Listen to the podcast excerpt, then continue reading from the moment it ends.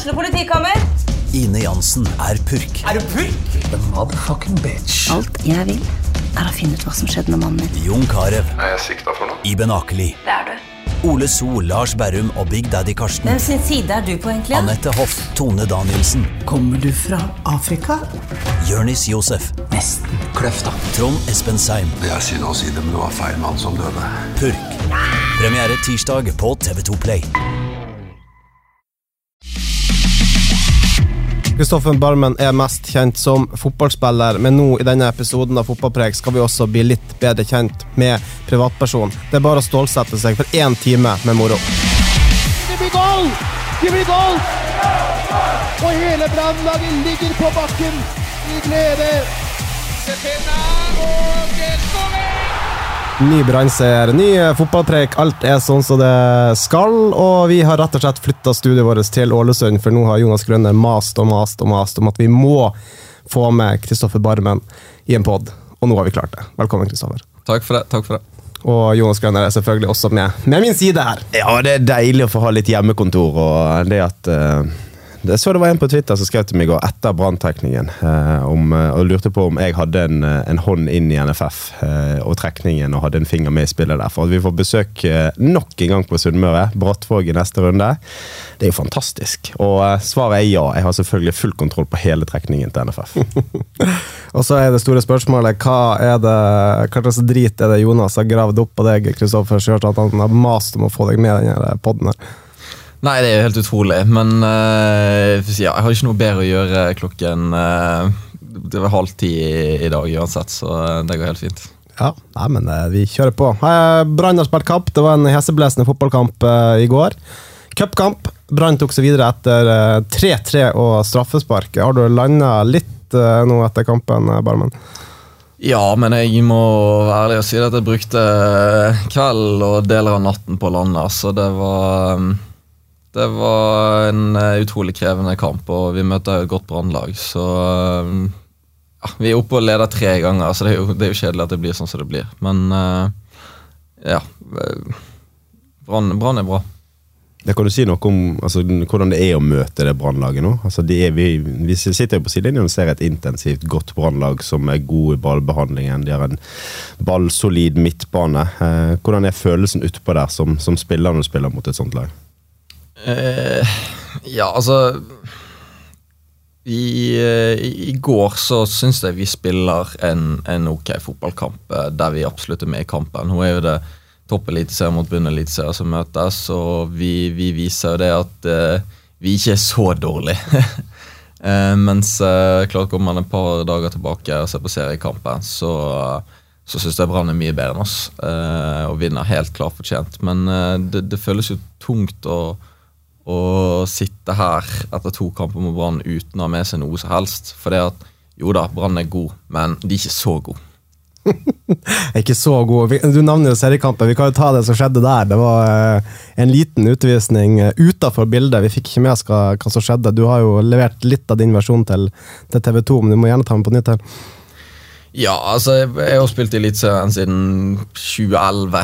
Eh, og eh, jeg vet hvor listen ligger i forhold til dommere. Jeg har ikke snakket på meg gult kort på fem-seks år. Aldri fått et rødt kort i karrieren. Eh, og ja, jeg, jeg syns ikke jeg krysser den listen der i det hele tatt på søndag. Og jeg- jeg har vanskelig med å, å se det at det er noe grunn til å vise meg ut. Enkelt og greit. Hva er det du sier da? Jeg sier det at han står i veien for meg. Og så var det kommer klaska deg i trynet, eller eh, Ja, men altså, Det går fint. Det er ikke det det handler om. Poenget er det at eh, jeg vet hvor den listen ligger, og hvordan alt Nei, jeg, har lagt. jeg har sett det klippet der er borte og, og klapper det litt sånn på kinnet og litt sånn eh, ovenfra og ned. Og det er litt sånn altså det der er litt sånn uh, Har jeg vært opptatt av? Jeg var jo veldig opptatt av dommere. Det, det kan du skrive under på. Og uh, Det viktigste for en dommer det er jo det å klare å holde kontroll på en kamp og ha en god dialog og en god relasjon til spillere. Idet du eh, er i ferd med å miste det, eller du er Hva skal jeg si At du, du begynner å bli litt usikker, du gjør litt kjappe ting for å gjenvinne autoriteten din, som kanskje kan være naturlig når du er i en pressesituasjon, det er masse folk på tribunen, eh, kontra det å ta av brodden på ting, så eh, er min oppfatning at veldig mange dommere har mye å hente på akkurat den biten der. Og jeg tror det er det som skjer i helgen. Jeg tror det er en dommer som ja, Barmen kommer tett opp i fjeset, han er, han er nærmt han, og da føler han seg wow, nå må, vi, nå må, jeg, nå må jeg vinne tilbake min autoritet der. og um, Istedenfor å løse det på en enkel, fin måte som, som nok hadde gagnet han sånn i, i relasjoner til, til, spillere, så um, skal han frem og vise kasse og gi det røde kortet. Ja, og så kan du tenke deg Hvis en dommer kommer bort til deg og ber deg roe deg ned og klapper deg på kinnet. Så, så. altså Jeg blir provosert av å sitte her og høre om det. Da begynner det å klø ille meg av å høre man det. Man blir jo ikke roet ned. Og da, da Altså, Hvis man gjør det som dommer sjøl, så mener jeg det, da må man tåle litt. Grann, altså. Jeg husker, altså, jeg, altså, Akkurat i en sånn historie jeg har fra det skal vi tilbake til herrens år 2014.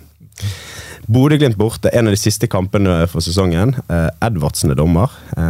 jeg er en ung, eh, hissig eh, bergenser som er i ferd med å rykke ned med klubben i mitt hjerte.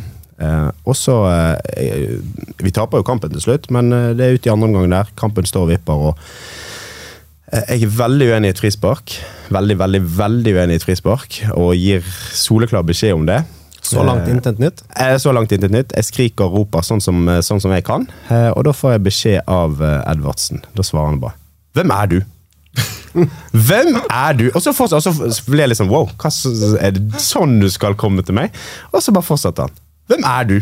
Når jeg fortsetter å kjefte, da. Så det er litt denne der eh, Hvis man møter spillere som bobler og virkelig altså Det betyr jo ekstremt mye for deg når du er ute på der og spiller. Da er det liv eller død. Og når du da blir møtt med et sånn ovenfra ned med et lite klapp på skinnet eller en 'Hvem er du?', da, da koker det greit. Ja, men Det er jo kanskje litt eh, passende, kanskje, at man får sitt første kort mot klubben man eh, er vokst opp i. Er det ikke noe sånt? Nei, det skulle jeg gjerne unngått. altså. Jeg uh, hadde, trodd, altså, når jeg kom så langt at jeg trodde jeg skulle gå karrieren uten å få et rødt. altså. Roar Strand tror jeg fikk sånn, uh, sitt første røde kort i sånn femtedivisjon da han var 67 år. eller noe sånt. Så Han sa vel at det, det teller ikke. Ferdig med det. Ja, det, det, var, det var jeg, jeg, visste ikke hva jeg skulle gjøre. Jeg visste ikke time. Fortsetter man å klage? Går man rett av banen? Jeg har prøvd begge. jeg har blitt utvist i en treningskamp eh, mot Malmö, eh, der jeg snakket på med to gule kort og ble utvist. Eh, og da fortsatte jeg krangle. Jeg har vel egentlig kranglet hver gang jeg har blitt utvist. Jeg tror ikke jeg har bare gått rett av banen og tenker meg om. Så jeg er jo alltid uenig, og var alltid uenig. Så, um, men det er noe med denne der eh, walk of shame. da. Det er vel kanskje det som er the real walk of shame, det du må gå av banen der. Eh, og spesielt kan jeg bare se for meg eh, alle følelser og tanker akkurat den kampen her. For din del, da. Um, og ikke minst, du føler deg urettferdig behandlet veldig ofte. Vi så, For de som følger veldig med på det litt sent, så så vi Sondre Bjørshol i, på hovedkampen på søndag, og han ble utvist. og måten han håndterte å bli utvist på det var med å gå bort og si unnskyld til Kristoffer Haugen, som hadde fått et spark. Eh, ja, sånn, det, ikke han en sånn her, bare sånn her eh, god og snill gutt? Ja, men hvordan er det mulig? Jeg skjønner ikke hvordan det er mulig å bare være så rolig og sindig når du har fått rødt kort. Han går bort og klapper han, altså, sorry. Og så går han bort og så sier han sånn, tar hånden i været, sier sorry til dommeren, han beklager seg til alle, og så bare går han rolig av banen. Hvordan er det mulig? Altså, jeg, har, jeg har dratt fram den historien før i podden, men det, var, det er bare utrolig passende å bare ta det på nytt igjen. Altså, gårsdagens dommer Aslan, som kom bort til meg og Jonas etter Brann sin bortekamp mot Vålerenga, eh, og bare kommer og klapper Jonas på skuldra og bare Det er rart hvordan et sånt rasshøl som deg på banen kan være så hyggelig utenfor. ja, og det er jo Jeg, jeg svarte vel på det sist òg, men jeg får ta det kjapt, da når jeg reiste rundt og fulgte eliteseriekamper i fjor, så var det veldig ofte sånn at jeg tok fly hjem med dommerteamet dagen etterpå. Og det er ikke rent sjeldent jeg skammer meg når jeg treffer folk, for jeg vet jo hvordan jeg har vært sjøl. Og jeg er veldig sånn selvbevisst i gjerningsøyeblikket, men likevel så klarer jeg ikke å gjøre noe med det. Jeg, hver eneste kamp så gikk jeg og tenkte Jonas, i dag skal du holde kjeft. Du skal ikke si noe som helst til dommeren. Og Likevel så endte jeg opp med å få gult kort for munnbruk eller klage og kjefte og si dumme ting. Og jeg kranglet når jeg visste jeg hadde feil. Det var bare en del av meg. og uh, Veldig sånn usaklig del, og det drev jeg på med på trening. Det drev jeg på med i, i kamp. Uh, og ja, Sånn var jeg. Ja, sånn var du. Eh, Jonas hevder jo at han trives veldig godt der oppe. At han faktisk vil bo her. Jeg er ikke sikker på om han kommer tilbake til Bergen. Hvordan er det med en ordentlig 20-gutt? Jeg trives veldig godt her oppe, jeg også. Eh, men eh, jeg skal tilbake til Bergen på et eller annet tidspunkt. Det skal jeg. Det, ja. Så fotballspiller eller pensjonist? Det er jo et veldig godt spørsmål. Det får vi eh, vente og se på. Hvordan er det nå med Du har blitt gift. Småbarnsfar, stemmer det? Det er helt riktig. Ja, det er Hvordan er det livet? Det er kjempegøy, først og fremst. Det er ja, veldig, veldig stort å, å få Ja, få en sønn, da. Um, man, man, får et litt nytt perspektiv på ting, og man får uh, Det var som Torbjørn Kallevåg sa når jeg, jeg, snakket med han om det. Han sa du får, uh, du får en knagg å henge verden din på. da. Uh, og noe konstant som som alltid er der, og som du alltid må ta vare på. Ja, det, det er en utrolig spesiell følelse. Jeg hadde ikke trodd jeg skulle føle det så sterkt, men det, det, det er kjempegøy. Har det gjort noe med deg som eh, altså, vi, vet jo at du, altså, du har jo likt å være kanskje litt ute med gutta og sånt. Eh, er det slutt på det, eller? Det blir jo det. det. det. blir jo det. Så enkelt er det. Man uh, må prioritere litt annerledes. Det, uh, sånn er det bare. Men nå har jo man altså Livet utvikler seg, og man har jo ulike faser i livet. Og nå har jeg startet på en ny en, da. Mm. Eh, og ja, som jeg sier, jeg syns det er kjempekjekt. Ja, det er fine tider. Jonas, du vet jo alt om det med småbarnslivet. Du har vel til og med to? Ja, to gærninger. Og det er jo noe med altså når som fotballspiller, eh, og i hvert fall som fotballspiller der det betyr altså Fotball er veldig viktig for deg. Eh, det var det for meg, og i perioder så er det jo sånn Jeg hadde veldig mange tunge perioder på fotballbanen der jeg sitter mye på benken, ting er kjipt. Eh, og hvis fotball er alt, så blir den treningen eller den kampen den blir avgjørende for humøret ditt. Enten resten av dagen, resten av uken. Så du går jo rundt i mørke perioder og mørke Altså Det kan jo gå månedsvis der du rett og slett er tung. Fordi at hele verden din butter imot. Men når du da har noen å komme hjem til, og noen som smiler og er fornøyd uansett hva som skjer, eh, eller hva som har skjedd på, på, jobb den dagen. Eh, så blir du plukket opp og du blir løftet, og du får en påminnelse om eh, hva som faktisk er viktig. Og så er jeg veldig glad for at mine unger var så små at de ikke spurte så mye spørsmål når jeg spilte. da. For at, altså, Hva skulle jeg svart? Ja, Jonas, nei, pappa satt på benken igjen i dag. ja, pappa, du fikk gult kort for munnbruk i dag. Så jeg er veldig glad for at ikke de hadde, altså, jeg kunne reflektere på den måten uh, og forsto alt som skjedde alltid. For det er ikke sånn at jeg har um, spilt Champions League-finaler. og Jeg, jeg, jeg, lener meg kun på og, um, og sier, uh, påminner veldig ofte at jeg har spilt med veldig mange gode spillere. og Eh, jeg har jo spilt med Martin Ødegaard f.eks., og eh, var kaptein på det U21-laget som han spilte på. Så det er det jeg lever på nå. Det sier jeg var kaptein for Martin Ødegaard, og så lever de med at faren er verdens største helt. Og går rundt og sier det til alle. Så liksom, jeg har lagd en legende om meg sjøl som ikke stemmer på noe som helst måte, men for barna mine så eh, er det jeg den kuleste, og det, det syns jeg er litt fascinerende. Ja, det er, det er vel, man skal jo være guttene sine store, eller hva er barna sine store helt. Det er vel det som får være målet i livet. Uh, Brann har uh, stor suksess nå. Uh, Jonas har vært ærlig på at han er litt misunnelig at han ikke får være med på det. Hvordan er det med deg, Kristoffer? Du skulle vel egentlig hatt, hatt kontrakt med dette laget? Ja, jeg hadde jo i utgangspunktet kontrakt til 25, men altså det, det, er ikke noe å tenke på. Jeg unner Brann all mulig suksess. og Jeg koser meg med å se Brannkamper. De kampene jeg kan se riktignok når jeg ikke spiller sjøl.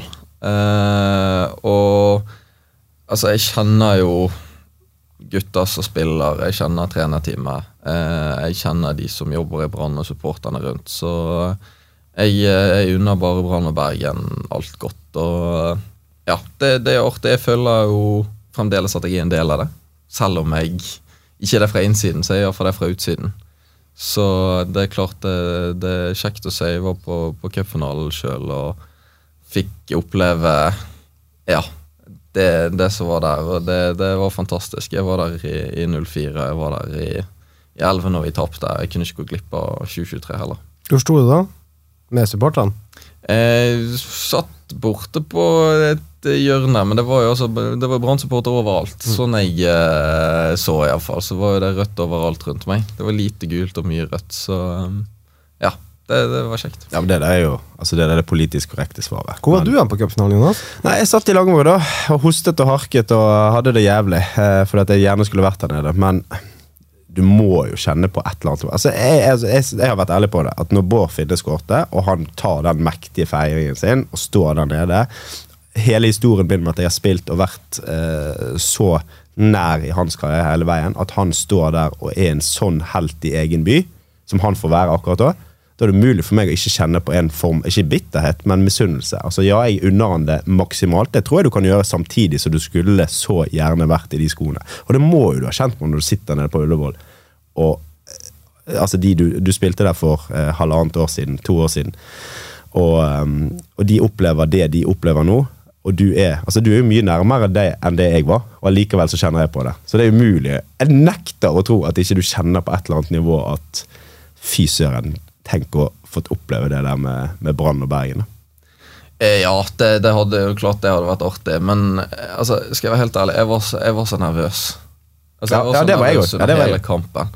Eh, jeg var ikke så nervøs som spiller, men altså Sitter og ser på Brannkampen her, er jo, er jo helt ødelagt i perioder. Altså, under, under kvalikkampen mot Jerv, jeg, jeg klarte jo så vidt å se på, så det var helt eh, Jeg var, jeg var gjennomsvett. ja, det var helt, det var helt fryktelig. Jeg satt på, på Gran Canaria og jeg gikk, altså jeg gikk rundt og rundt og rundt over alt den der. Jeg klarte, jeg ikke å se på.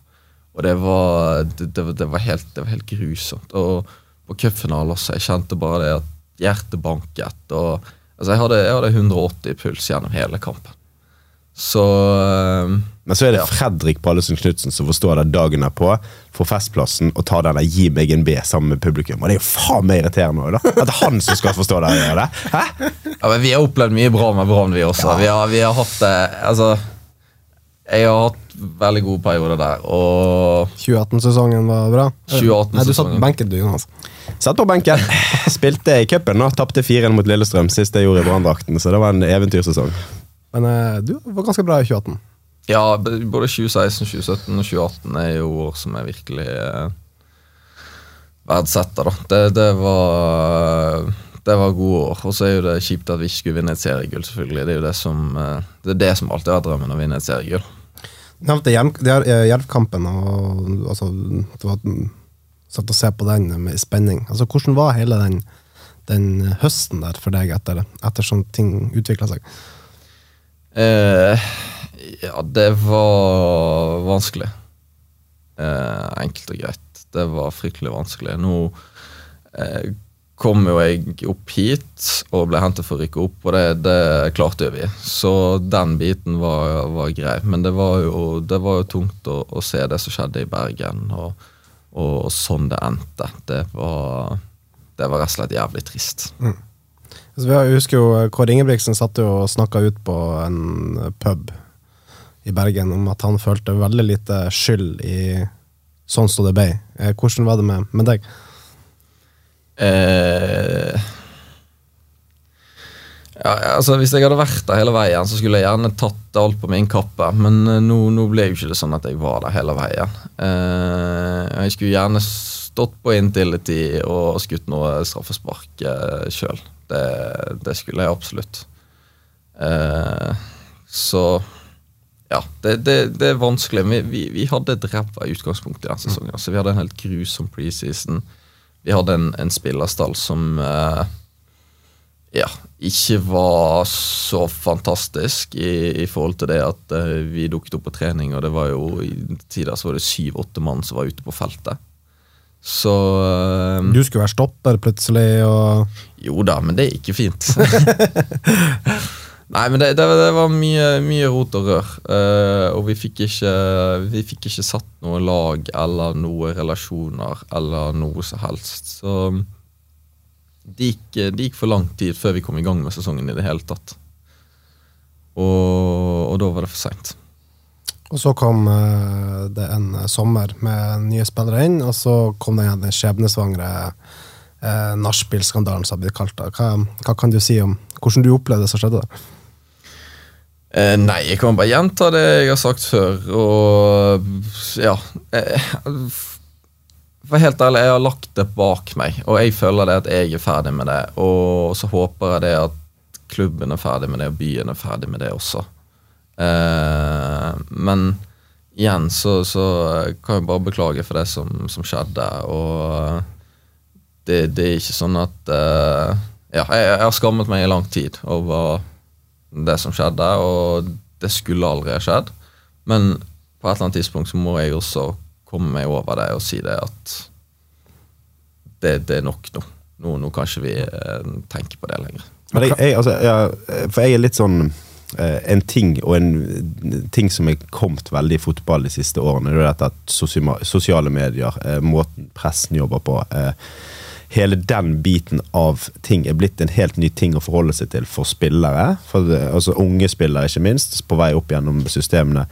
Hvordan man kan bli eh, spist opp og tygget i stykker og altså spyttet ut igjen. Eh, men også hvordan man kan bli hyllet. Eh, og i Bergen er jo det ganske ekstremt. Og alt det trykket du fikk i den perioden, det må ha gitt deg en helt sånn der ja, en erfaring ikke så mange har. For er jo, altså det er en offentlig gapestokk der, der ditt navn er det som eh, går igjen. Eh, og hvordan oppleves det å stå i eh, når eh, kontra for, hvordan, eh, hvordan, er det å stå i en sånn storm, sånn rent eh, praktisk? Altså, Fotball er jo hele min verden.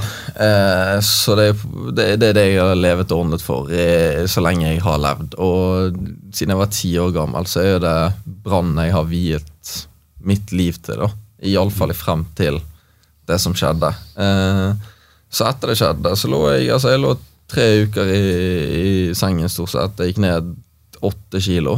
Eh, jeg gikk helt i, i lås og det, det, var, det, var, fryktelig tungt. Det er sikkert andre det var tyngre for, men det var, det var fryktelig tungt for meg også. Og så er det greit det at det er min, min, egen feil, men eh, det gjorde ikke det så mye lettere for meg. Uh, og så kom jeg opp her da, og ble del av et vinnerlag. da. Uh, gikk rett inn her og, og fikk uh, spille og ble tatt inn i varmen. så det... Ja, Spilte stopper foran meg.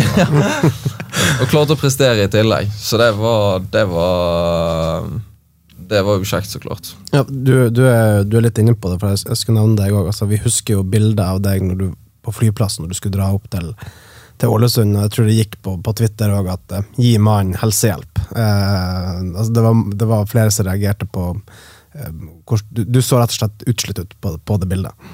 Ja, det, det var jeg. Det, men det er, sånn, det er sånn jeg håndterer ting. Så det Kan ligge i senga og gå ned 80 kilo? Yes, det er helt riktig. det skulle gjerne jeg òg hatt akkurat nå. Det hadde hjulpet meg litt, i hvert fall. jeg hadde ikke 80 kilo å gå på, for å si det sånn. Det, det, det var et lite problem.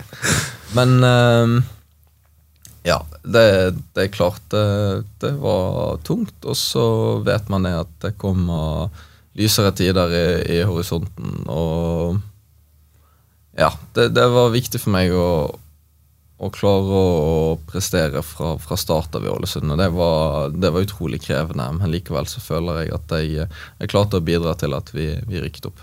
Vi husker jo eh, for han som henta deg opp hit og eh, ga deg en ny sjanse, som vel var Lars Arne Nilsens egne ord.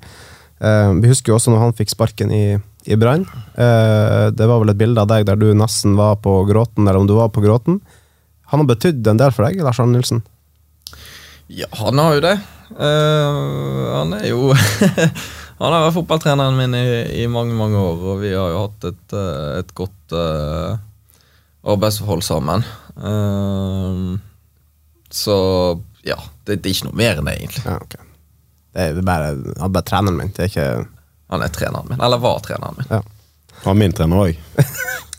og vi har òg hatt et Altså personen, Han er jo en artig skrue, da. Men Kanskje ikke vi har hatt et så nært arbeidsforhold, men uh, personlig så uh, ellers er han en, en artig kar. Ja, det, altså, det er få i fotballverdenen som har kranglet like mye med seg. Jeg har kranglet med Lars Arne. Altså. Vi, har vært, vi har vært uenige om mye, mye mye opp gjennom årene. Men vi klarer uh, Vi klarer alltid å se forbi det og, og enes til slutt. Så jeg, altså, både meg og han er veldig emosjonelle når det kommer til, til lagene vi spiller for. Så eh, det kan, kan bli veldig veldig hette perioder, og så ja, løser det seg. Men eh, Forskjellen der er at eh, du kan krangle med Arne og komme tilbake i startoppstillinga. Du, du blir jo bare satt på benken, Jonas. Men jeg var jo aldri på laget i utgangspunktet, så jeg kranglet fra et utgangspunkt at jeg var allerede var på benken, og det hjalp i hvert fall ikke på. Så vi trenger ikke gå ned den veien der. Det har vi rippet nok i. Jeg syns du, du bruker å pløye denne veien der helt fint sjøl. Altså. Vi alltid har en tendens til å ende opp på, eh, på det. Eh, du har også et bra forhold til Horneland, sånn som jeg forstår det? Veldig bra forhold til Horneland. Jeg mener Horneland også sa det etter at, uh, at du var en av de som, som måtte dra, at han veldig gjerne skulle sett at du, du ble værende. For, på grunn av det, altså, den du var og din posisjon i, i gruppa. Ja, altså han fikk uh, godt forhold til han uh, ganske tidlig. Han eh, kom inn i Brann og markerte seg fra dag én av. Og ja, du kjørte en del én-til-én-samtaler i starten der han bare man, man forventer jo det at når man prater med folk første gang, så går kanskje de litt rundt grøten og stiller en del spørsmål, og det er en lit, liten usikkerhet i rommet, da. Mens han bare gikk rett på sak. Og eh, hvis du var dårlig på trening, så fikk du høre det. Så spurte han hvorfor var du dårlig på trening i dag. Så det var en sånn, Hva sånn brukte du å svare da? Nei, da brukte vi å ha en lengre samtale om det, og eh, hvordan man skulle opp igjen på hesten dagen etter. Så det, det var veldig betryggende, egentlig, å ha en som bare kunne være så direkte. For det at man har ikke tid i fotball til å hele tiden snakke rundt det viktige problemet. Det er Og det er det mange som bruker mye tid på. det er det mange som bruker mye tid på, det er helt riktig, uten å adressere faktisk hva som Hva er gale? Hva må vi gjøre for å bli bedre? Og det der er jo noe som er litt interessant, for fotballspiller er jo og det er kanskje en av de tingene jeg har merket mest etter jeg har lagt opp. Det er jo det at jeg får et mye mer avslappet forhold til å vurdere meg sjøl som fotballspiller. Når du står i det, så har du en sånn der, i hvert fall av deg, en sånn gard oppe der du prøver å eh, beskytte deg sjøl, din posisjon. eh, Det berømte 'se deg sjøl i speilet' først, som kan være veldig utfordrende i fotballbransjen. da. Og hvis du har en trener som da ikke er en som stikker gjennom, eller som, som går rundt alle disse gardene som alle de 24 spillerne har satt opp i, i garderoben, så blir det mye svada, rett og slett. Og er jo, det er jo det jeg opplever at Hornland han er en som, som gir beskjed om hvordan har vi det her, eh, og det er det, sånn kulturen er det Brann nå står veldig veldig sterkt på at eh, du får beskjed om, eh, om hvordan man oppfører seg, hva man gjør, altså hvordan man ter seg på trening. Og det er blitt et sånt utviklingsfokus da, som, eh, som står veldig sterkt. Og, og da er det lite tid til svar, da. Ja, og så stiller han utrolig harde krav, ikke bare kamp, men til, til hverdagen. Alt skal gjøres riktig i hverdagen, og spesielt på trening så, så er det ikke noe tull og tøys. Jeg husker det han han, når han fikk hovedtreneransvaret, så kuttet jo han firkant på trening.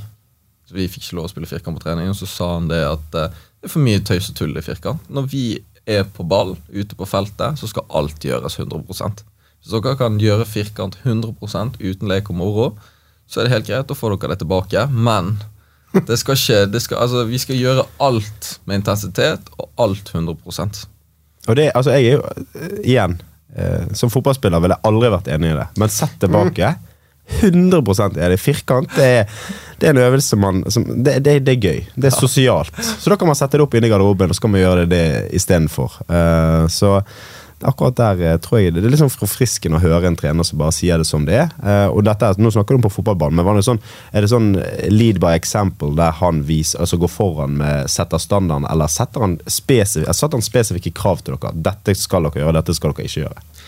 Han gjør jo det også. Han setter jo eh, spesifikke krav. Og så er det, Han har jo en naturlig autoritet da, som er utrolig sterk, og så gjør det at man bare må lytte til han.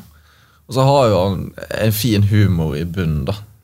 Som gjør det at eh, Det er den, en, det, det, ta nå det. er det den diskusjonen diskusjon med den her lua, blant annet. Han uh, nekter å vise hva som er under uh, hva han har gjort. Vet du noe om det? Jonas har vært litt inne på det. Luen? Ja, Barmen, altså, det, altså, veldig mange fotballspillere sier at de leser ikke press og leser ikke aviser. Og Barmen er faktisk en som faktisk ikke leser ting. Da.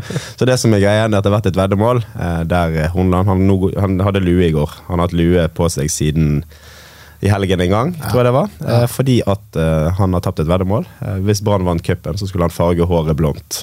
Nei. Det er helt sant. Nei, det er helt sant.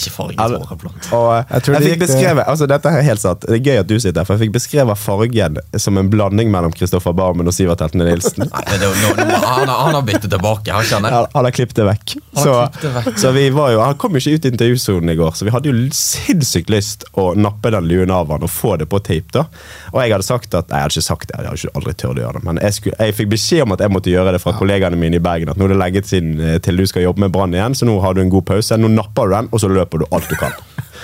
Så eh, det hadde vært litt artig, da. Men eh, det er gøy det at han, han involverer seg på den måten med spillere. Det var, et, eh, det, altså, det, det med spillergruppen, eller med et par av spillerne på en lunsj der han hadde inngått et veddemål. Ja, han er, han er jo inkluderende sånn sett også, altså i forhold til lunsj og i forhold til å bare prate med folk hverdagslig også. Det er ikke sånn at uh, han går inn etter trening og låser seg inne på trenerrommet. Men hadde han Jeg har jo en teori om at nachspiel-skandalen fikk eh, skrudd til autoriteten hans et par hakk. For da, da var man på et bunnpunkt, da hørte man etter. altså Da var det liksom his way or the highway. Eh, er det sånn at eh, Hadde han den autoriteten så sterkt fra begynnelsen av, eller tror du at han fikk en ekstra eh, liten boost av alt som skjedde den høsten? Jeg syns jo han hadde det uansett, da. Eh, det kan være det hadde tatt litt lengre tid for folk å oppdage det. Men eh, i mine øyne så, så var han sånn Ikke bare som hovedtrener, men også som assistenttrener. Han, han styrte mye av butikken som assistent òg. Eh, og jeg tror han traff ganske Han traff folk ganske godt i disse samtalene han hadde individuelt i starten Som assistenttrener? som assistenttrener. ja. Eh, og så tok han ting i garderoben. altså og halshugde jo bare folk i garderoben. eh, Du smiler. Har du noen eksempler? Var, det, var det noe spesifikt du tenkte på det? og stakkars Blomberg, da. Herregud. Å, da syns jeg synd på han. Ja, utdyp gjerne. Du visste bare det at noe kom, da.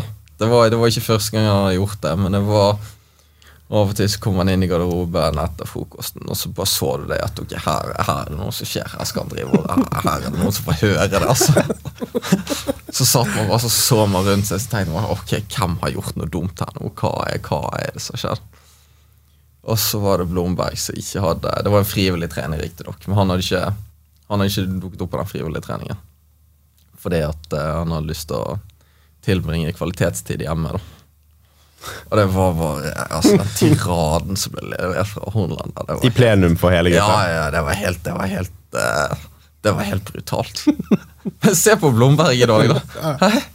Det er jo noe som har skjedd med den gutten. Det er jo uh, Altså Det er et eksempel på et spesifikt krav. da At du sier uh, frivillig trening. Um, Ikke så frivillig likevel. Ikke så veldig frivillig. Det er en test, rett og slett. Og de som eh, Ja, det er en måte å stille krav på det der. Og så eh, Det var det han sa. Det, det, var, det var en test. Mm. Det, var en, det var en test. Det var noe som besto, og så var det noe som ikke besto. Og ja, For de som hadde spilt, og sånt, så, så var det helt greit å ikke være der. Men for de som ikke hadde spilt, da, så Det var typ to dager etter kamp, da, Mm. der de som hadde spilt mer enn en omgang, fikk Patrick Hansson-økt. Yes. God gammeldags Patrick Hansson-økt. Klassisk. eh, Men det Ja. Det, det, var, det, det var flere, flere episoder som var det, var artig å være en del av, da.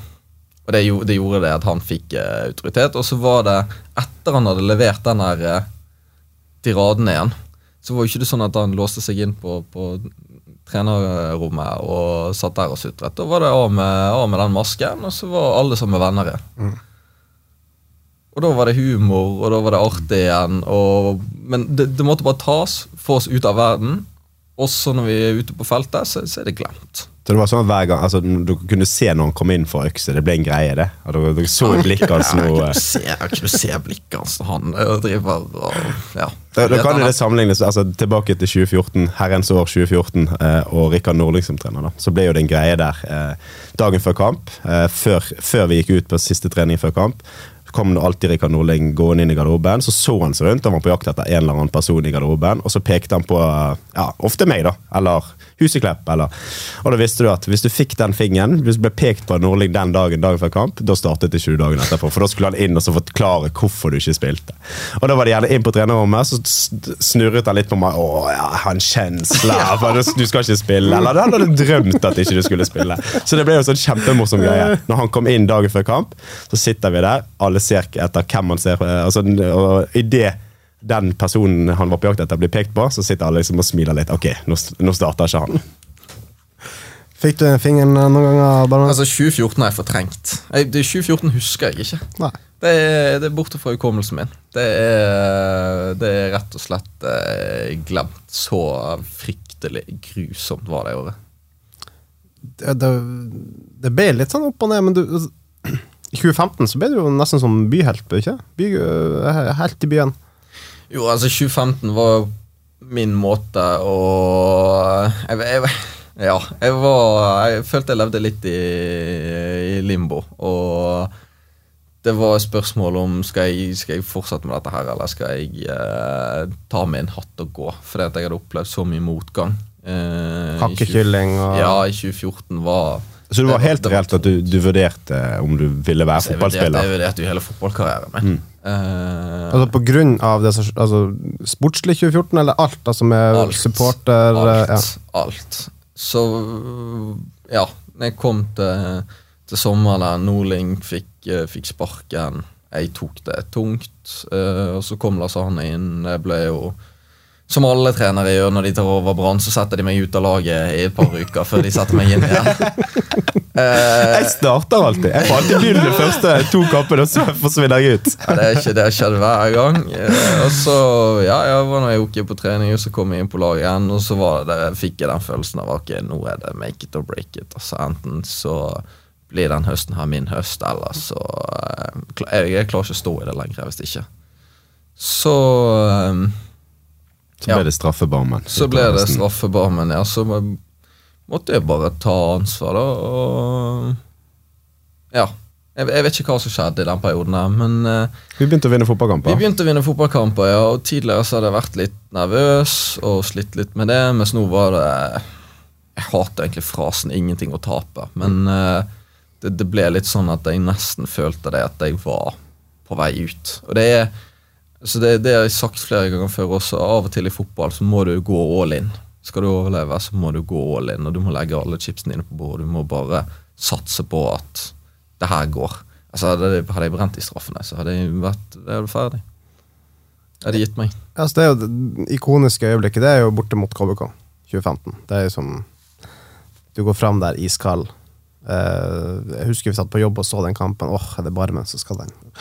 Så, altså, med, ba, med all den motgangen i altså, Hadde du hodet til å takle dette her? Og det hadde du jo. Ja, jeg tenkte det at hvis, så hvis jeg brenner her, så er jeg ferdig. Så det er ikke Da la du opp. Ja, da hadde jeg lagt opp. Det hadde jeg gitt meg.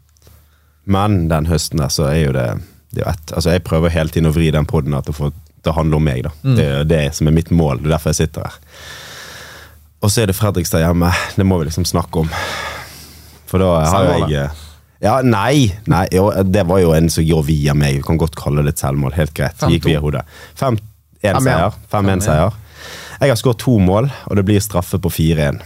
Eh, og av en eller annen grunn så går jeg ikke frem og tar den ballen. Det er jo Kristoffer Barmen som tar straffene våre. Så det er litt sånn bitter ennå at ikke du tok opp, plukket opp den ballen, og så ga den bare til meg og sa Jonas, ta det hat tricket ditt nå. Ja, men det, var, altså, det var jo ikke jeg som var straffeskytter, da. Det var Erik Husklepp som var straffeskytter. da Men det var jo der det begynte. For jeg gikk bort til Huseklepp og så spurte jeg kan jeg være så snill å få lov å ta den straffen. Ja, Du tenkte ikke på han midtstopper? Nei, det gjorde, jeg, det gjorde jeg ikke. Og så satte jeg den straffen, og så ble det Bryne eh, noen dager etter det, og så ble det KBK noen dager etter det. Så det, det ga meg en, en opptur. da, Og, altså, det opprykket, det var mer eh, jeg, jeg, jeg følte ikke noe glede, jeg følte bare lettelse. Jeg følte som om det var 50 kilo som ble tatt av skuldrene mine. altså. Det var ikke noe sånn at det var i ekstase eller noe sånt. Det var bare uff, ja, deilig. altså, det, det, var, det, var, det var helt spesielt, for det, var, det føltes som om noe hadde tynget meg ned så lenge. Mens nå var vi tilbake i det, det gjeve selskap. Hvis dere hadde bomma og du hadde lagt opp, hva hadde du gjort da? Har du noen skjulte talenter? Nei. Nei. Jeg hadde begynt å studere. Hva? Det er jo, altså Ja, Barmen, han er eh, nok den spilleren som Jeg tror de aller fleste som har spilt med Barmen, vil svare det samme på dette spørsmålet. Og han er nok den, det største multitalentet som fins i eh, norske fotballgarderober. For at uansett hva Barmen eh, konkurrerer i, så er han topp. Eh, han er Jeg pleide å si til han før at du er jæklig dum for å være så smart. For han er altså Om ikke han har tatt Jeg har sikkert ikke giddet å ta mensattesten heller, eh, men hvis han hadde tatt den, så hadde han garantert bestått. Har du tatt den? Kanskje? Kanskje? hvis ikke, er, er det Mensa-medlem i rommet her? Jeg, eh, jeg besto den i det er lenge siden. Det, Så du er, du er sertifisert Mensa-medlem? jeg, jeg tror ikke jeg har betalt årskontingenten, men jeg var iallfall det en gang i tiden. Og det Du er, er der oppe og nikker. ja, ja, han, er, altså, han er helt ellevill på alt. Men det er ikke bare det. da. Altså, det er, det er biljard, det er snooker, det er bordtennis, det er fotballtennis. det er, altså, Uansett hva vi konkurrerte i, så var Barmen topp. Og eh, quiz ehm, Han har et sånt der eh, multitalent og en, en kunnskap om veldig veldig mye. Og så veldig sære, rare interesser. altså Det er alt fra de, de mørkeste politiske hjørner til altså det, det er så mye. Og han er en så interessant person. og Det var først og fremst derfor jeg ville ha han som, som podkastgjest. Det er fordi at Barmen han er, han er den man kjenner fra media, og, og først og fremst forbundet med andre ting, kanskje de seneste par årene. men Person Kristoffer Barmen det er eh, nok et av de mest interessante menneskene som finnes der. For det er så det er så mange lag og det er så mange interesser, og han har bygd sitt eget snokerbord. Ja, men det, altså, Nesten litt pinlig berørt har jeg Ja. sett Barmen. Nei, men Jeg er jo ikke noe dårlig menneske. Jeg er jo ikke det. Uh, jeg gjør stort sett mitt, uh, mitt beste hver dag, og så får vi se om det er godt nok eller ikke. Men uh, klart konkurranseelementet som fotball gir, det, det trenger jeg i hverdagen min. Og det trenger jeg etter fotballkarrieren også. Så noe form for konkurranse må jeg, må jeg være en del av, ellers kommer jeg til å gå helt på veggene. Altså, det er vel eh, en del spillere jeg har snakket med som har beskrevet deg som en sånn herlig mm, skrue, vimsekopp-opplegg. Du har vel sagt sjøl også at du ja, ja, han er vimsekopp for all del. Definitivt. Du er flink å bidra i botkassen, f.eks. med Det er jeg her også. Jeg, men jeg bor, jo, jeg bor jo litt på min egen planet tida. tider. Jeg gjør det, altså. Og så er jeg altså Jeg er jo ikke på sosiale medier, eller jeg er jo ikke ute og, og snakker høyest om meg sjøl. Så det er, nok, det er nok ikke alle som kjenner meg bak fotballspilleren. da. Eh, men eh, jeg syns nå sjøl jeg er en sånn halvveis ok fyr, iallfall. Ja, det er, så det er jo eh, Det er veldig, veldig få som har si, noe vondt å si om deg, må vi vel kunne si. Ja, det håper jeg virkelig. Jeg gjør noe det jeg kan hver dag for, å, for at det skal være sånn også. Så var det litt uheldig, det som skjedde med dommeren på søndag. Det, Liten rip i lakken. ja, det, det var en liten dripe i lakken. Altså, jeg sørget for å ha eh, god tone med dommeren i, på kampen i går. Og, ja, vi, vi er avhengig av godt samarbeidsklima med de, så um, det er klart det, det er viktig for meg å, å vise respekt på en fotballbane og, og ellers i livet også. Og så er det Man utvikler seg som menneske også. Det er klart det. Og jeg har fått et litt Altså Når jeg er utenfor denne brannboblen jeg, jeg levde jo i en brannboble. Den boblen var så liten til tider. Og det ble så, så det ble så trangt rundt meg, for jeg bestemte meg for at her må jeg bare gjøre det på min måte. Jeg skal ikke høre på noen andre, jeg skal bare gå min vei. Og så er jo utfordringen når den veien begynner å, å gå litt ut av kurs, og man begynner å gjøre ting som ikke er helt riktig, og så fremdeles nekter man å høre på andre, da. Så, så var, det, var det en liten utfordring. Men den veien jeg valgte, var riktig veldig, veldig lenge. eh, og jeg gjorde mye bra veldig, veldig lenge. Og så var jo det kjipt at det skulle bli sånn som det ble til slutt. Men eh, ja, det, det var noe sånn jeg taklet det å være brannspiller. Ja, du, du var glad i å gå ut med gutta av og til. Og, Eh, Det, det er ikke det det handler om. Altså, det det handler om for meg, er det at jeg synes det var vanskelig å være fotballspiller til tider. Eh, og jeg taklet det med å prøve å leve et mest mulig normalt liv utenfor fotball. Mm. Hvis ikke så gikk jeg inn i den her eh, dype, dype, mørke skogen som jeg eh, aldri så noe lys i.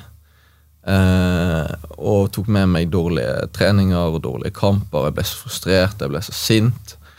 Og så fant jeg ut av det at faen heller, her må jeg bare Altså, Jeg må prøve å leve vanlig utenfor fotball til jeg klarer å takle alt dette her sjøl.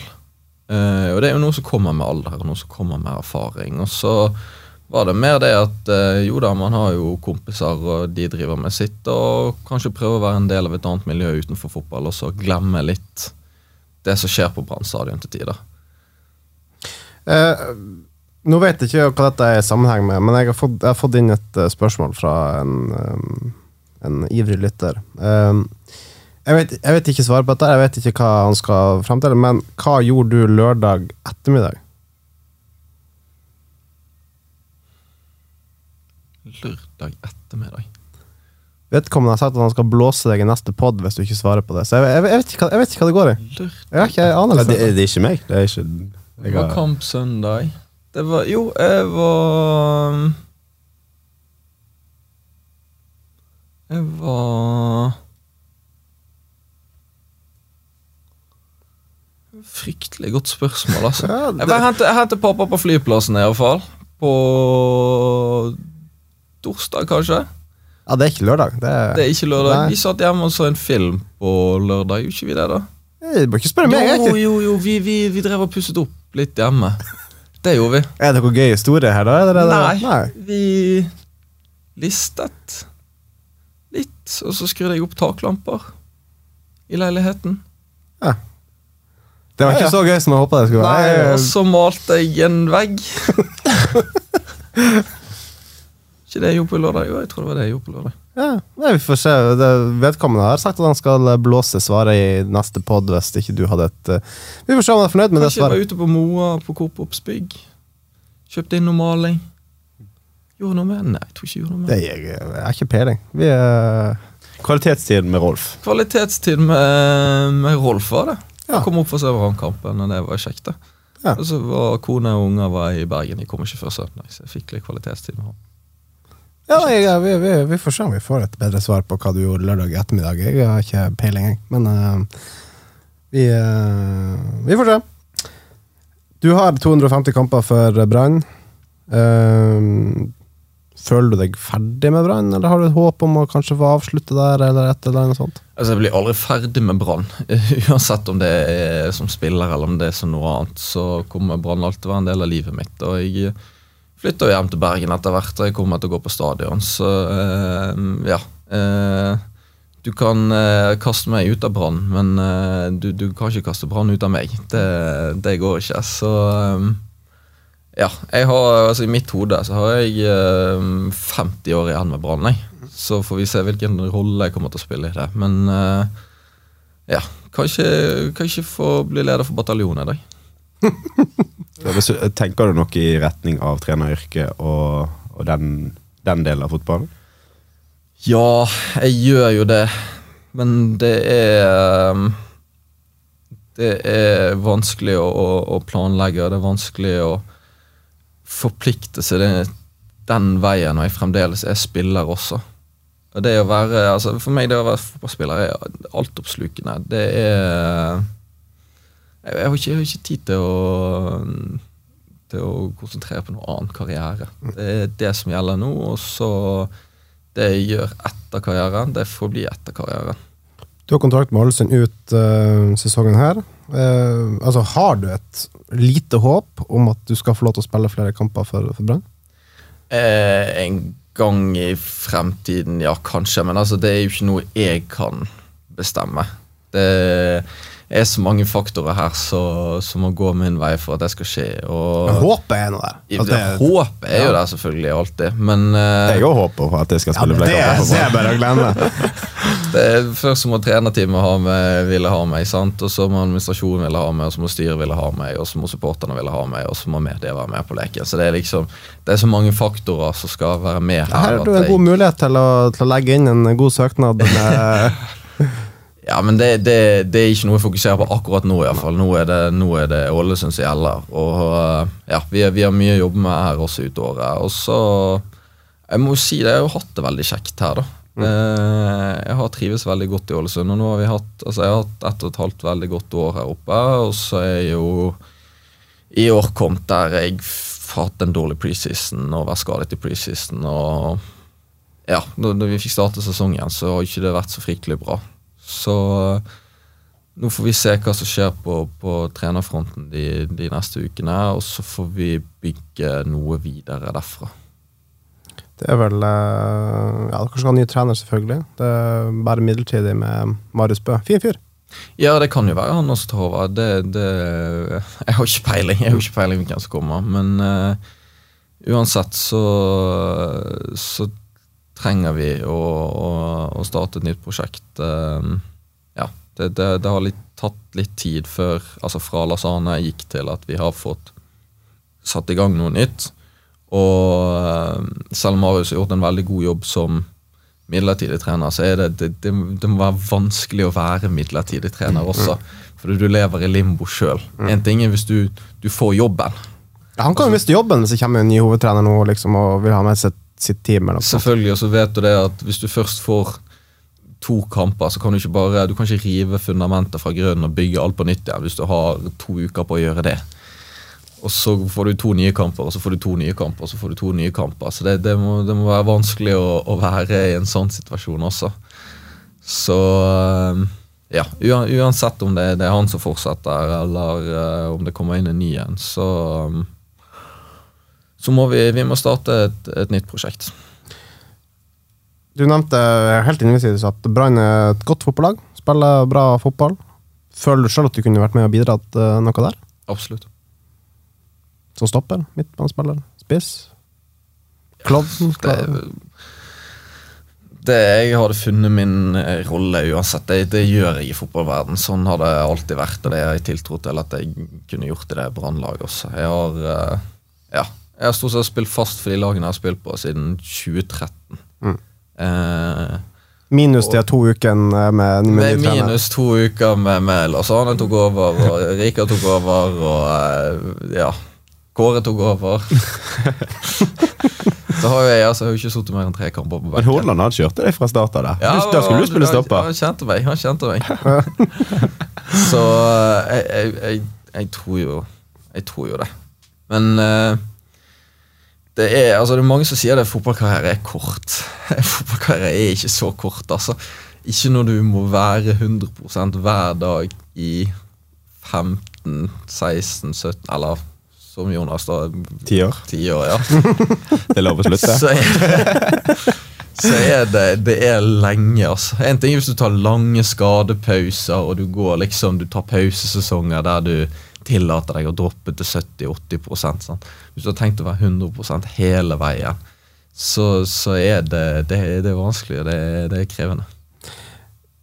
Er det sånn som nå altså, Nå blir du, du blir 30 nå i august, stemmer det? Ja. Ja.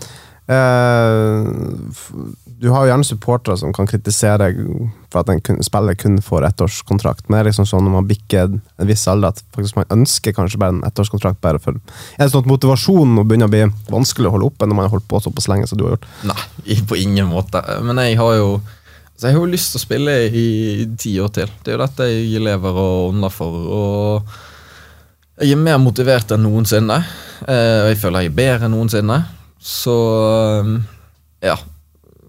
For min del så, så jeg, jeg koser meg. Jeg trives å gå på, på jobb hver dag, og jeg trives med å spille kamper. og det, det er dette livet jeg har valgt, og det er det jeg liker å gjøre. Så um, Men du sier jo at, altså, jo at um, i perioder så det blir jo mørkt som fotballspiller. nei, det blir så mørkt. Ja, At det blir bekmørkt, og du eh, så altså, mørkt. Men jeg har, altså, jeg har jo en eller annen drivkraft inni meg som gjør det at jeg bare Jeg må bare stå og løpe ut. Men er det endret seg? Altså Var det nachspiel-skandalen et sånt bunnpunkt at der da, altså, da, da slappet du mer av, eller var det det du kom vekk fra Bergen? Er det det at du er blitt far? Eller er det fremdeles periodene som perioder som er eh, like mørk som fotballspiller eh, i 2023? Det er det er det, altså. Men jeg, jeg føler jeg har truffet så mye bunnpunkter i mitt liv. Jeg har vært gjennom det så mange ganger at uh, jeg vet at det bare rir av stormen. Og så forhåpentligvis så varer ikke den så lenge.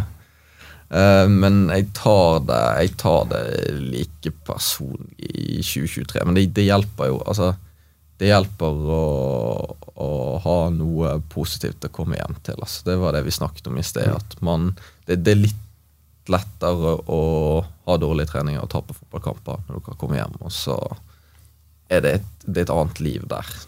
Noe du føler er ufortjent, da? Av alle disse, av alle disse bunnpunktene du, du nevner? Nei, ikke Altså Jeg lærte meg tidlig at fotball er urettferdig, og livet er urettferdig. Det har jeg fått inn gjennom pappa. Så handler det om å, om å gjøre den urettferdigheten til, til sin fordel. Eh, så eh, det er ikke noe jeg går rundt og, og, tenker så mye på. Det, det, er sånn verden er. Du uh, sa at det er ikke så fryktelig mange som kanskje kjenner eh, privatpersonen, eh, gladgutten Kristoffer Ramos, eh, Barmen. Eh, du kan jo ta, nå før vi skal runde av her eh, hva, Hvem er du, hva gjør du, hva, hva, gjør du når du ikke er på banen og sitter i garderoben, eller eh, sitter hjemme og duller med en baby? Det er et veldig godt spørsmål. altså. De siste eh, seks måneder har jeg egentlig viet livet mitt til sjakk. Ja. Så eh, ja. Da snakker vi rating på chess.com. Får, får, vi den på luften her? Den er sikkert, fordi det er tilbake til jeg snakker om, altså, Han ja. blir jækla god i det han holder på med. Ja, men jeg er på stigende kurve. Men akkurat nå er vel like over 1800. da så um, ja. Og det er bra for de som er, ikke ja, altså, Jeg sliter med Jeg, jeg holdt på med sånne 1500 Jeg sliter med det. Ja, men eh, jeg hadde jo håpet at jeg skulle komme til, til 2000 litt fortere enn jeg har gjort. da uh, Men jeg har um, Ja, det, det har jeg gjort mye av. Og så har jeg sånne perioder der jeg går veldig inn for én ting, da. Mm. Uh, og jeg blir så oppslukt av én ting. Og så kan det gå over etter et par måneder, så får vi se hva som blir min uh, neste greie. Men jeg har hatt så mange greier der jeg har enten én måned eller tre måneder eller seks måneder. Jeg leser meg veldig opp på, på én ting, eller bare gjør én ting. Og så dør den perioden ut, og så er det videre til noe annet. Favorittserie? Eh, det er Veldig godt spørsmål. Jeg så for ja, en måneds tid siden så, så jeg en serie som heter Slow Horses. Den er artig. Den visste skulle komme et eller annet sånn supersært. Som, hvor mange lytter Gjerne send inn til oss hvis du har hørt om Hva det du sa? Slow Horses. Men, altså, bare, bare, se den. Den er, den er, grisebra. For den er ikke så mye Det var faktisk Årøy så Tor Årøy som ja, ja. kom til Ja, dere to har funnet hverandre, yes. det kan jeg tenke meg. Men den er rett og slett grisebra, men den er jo ikke omtalt i det hele tatt. Se den. Favorittfilm, da? Uh, favorittfilm uh, Alt av Guy Ritchie. Snatch, Lockstocken, ja. Two Smoking Barrels. Ja. Jeg synes det er fantastisk at han har begynt å lage film igjen også. Bok? Um, og Bammen leser også. Altså, han ja, jeg hørte han sa han leser opp, så jeg skjønner at han leser, derfor jeg spurte om det. Ja um, Da må jeg nesten si uh, ja, altså Favorittboken min noensinne er 'Story of St. Michel' av uh, Aksel Munthe. Ja. Uh, jeg leste den. Det handler om en um, en villa som han gjenbygger på Capri, og jeg leste den når jeg var på vei til Capri og på Capri. Og jeg fikk et så nært forhold til det han gjorde i boken, og det han skriver om i boken, fordi jeg var der. Og så gjorde han det for 100 år siden, mens ja, jeg på en måte gikk i, i hans spor. da. Så det, det syns jeg var Hør på dette her, da! Altså, er det rart, det? Er det rart altså, jeg sier det jeg sier? Hvis du leser hvis du er på Capri, eller er i Vi begynte i Napoli og var liksom i området, og så avsluttet vi ferien på Capri. Og jeg leste den boken om Sorrento og, og, områdene rundt der, og så avsluttet liksom boken, og han gjenbygde San Michel, og jeg satt liksom ved bassenget, og så så jeg bare opp i åsen, og der var den Den borgen Fantastisk øyeblikk. Og så bare, jeg, jeg la fra meg boken, og så bare løp jeg opp dit. Ja. To streker og svar på det jeg har prøvd å si i sted om Kristoffer Barmen. Favorittspilleren? Gjennom tidene alle. Mm. Aune Heggebø.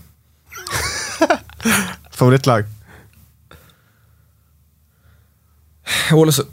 Ålesund. Ja, det er diplomatisk svar etter alt det andre. Det er løgn. Eh, vi skulle gjerne holdt på en time til. Det, ble jo faktisk bli eh, kjekt å få kjenne litt eh, Få vite litt hvem Kristoffer Barmen er, men greia er at du skal rett og slett på fotballtrening. Det skal jeg. Ja, så eh, jeg skal rekke et fly tilbake til Bergen. Orker ikke sitte her så veldig mye lenger. Kaldt og jævlig. Eh, men eh, tusen takk for oppmøtet. Jo, takk for at jeg ble invitert. Ja, det her, vi, må, vi må ha en del to. Det føler jeg nesten vi må ha. Vi må få mer ut av eh, Kristoffer Barmen. Kristoffer Barmen han skal på livepod i løpet av høsten på en eller annen plass i Bergen. skal vi invitere masse, og så skal det ikke være noen mikrofoner. Han skal bare fortelle fritt fra sitt liv og sin eh, Det hadde vært eh, Det kunne drømmen. faktisk vært artig. Altså, men jeg sliter også med altså, Når jeg først er her, så føler jeg jeg må være ærlig. Jeg kan ikke drive og, og skjule ting. Sant? Jeg, må, jeg må si det jeg har på hjertet. Ja, ja, men det, det, det er, det er litt lettere å gjøre i den settingen der. Det er det kanskje. Jeg fikk en, eh, en kommentar fra en, en som ikke hørte så mye på fotballpreik. Eh, Skam deg, Sindre. Men uh, han sa at uh, hvis, hvis dere skal ha Barmen med, da skal jeg høre. Da skal jeg lytte. Så her har dere fotballpreik med Kristoffer Barmen. Uh, tusen takk for oppmøtet til både Barmen og Jonas Grønner. Mitt navn er Jonas Johnsen. Takk så mye for at dere hørte på.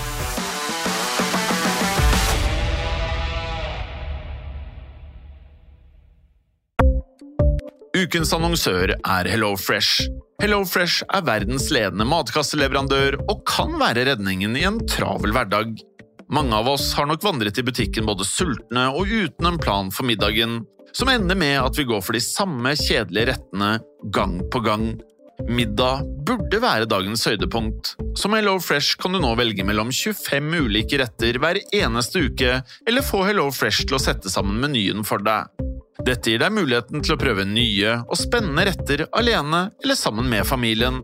Du velger antall porsjoner og får alt levert på døren på et tidspunkt som passer for deg. Oppskriftene er enkle, og maten er lett å lage både for store og for små. Ved å få alt levert hjem får du også mer tid til å dele matgleden med familie og venner. Kanskje det frister med asiatiske tacos eller greskinspirert kylling? Da kan jeg anbefale deg om å gå inn på hellofresh.no. Her kan du bruke koden FOTBALL og få opptil 1779 kroner i rabatt på de første fem matkastene hvis du ikke har prøvd HelloFresh tidligere. Du kan også bruke rabatten hvis du har vært kunde og stoppet abonnementet ditt for tolv måneder siden eller lengre. Gå inn på hellofresh.no og bruk koden FOTBALL. Har du et enkeltpersonforetak eller en liten bedrift? Da er du sikkert lei av å høre meg snakke om hvor enkelt det er med kvitteringer og bilag i fiken, så vi eh, gir oss her, vi. Fordi vi liker enkelt. Fiken superenkelt regnskap.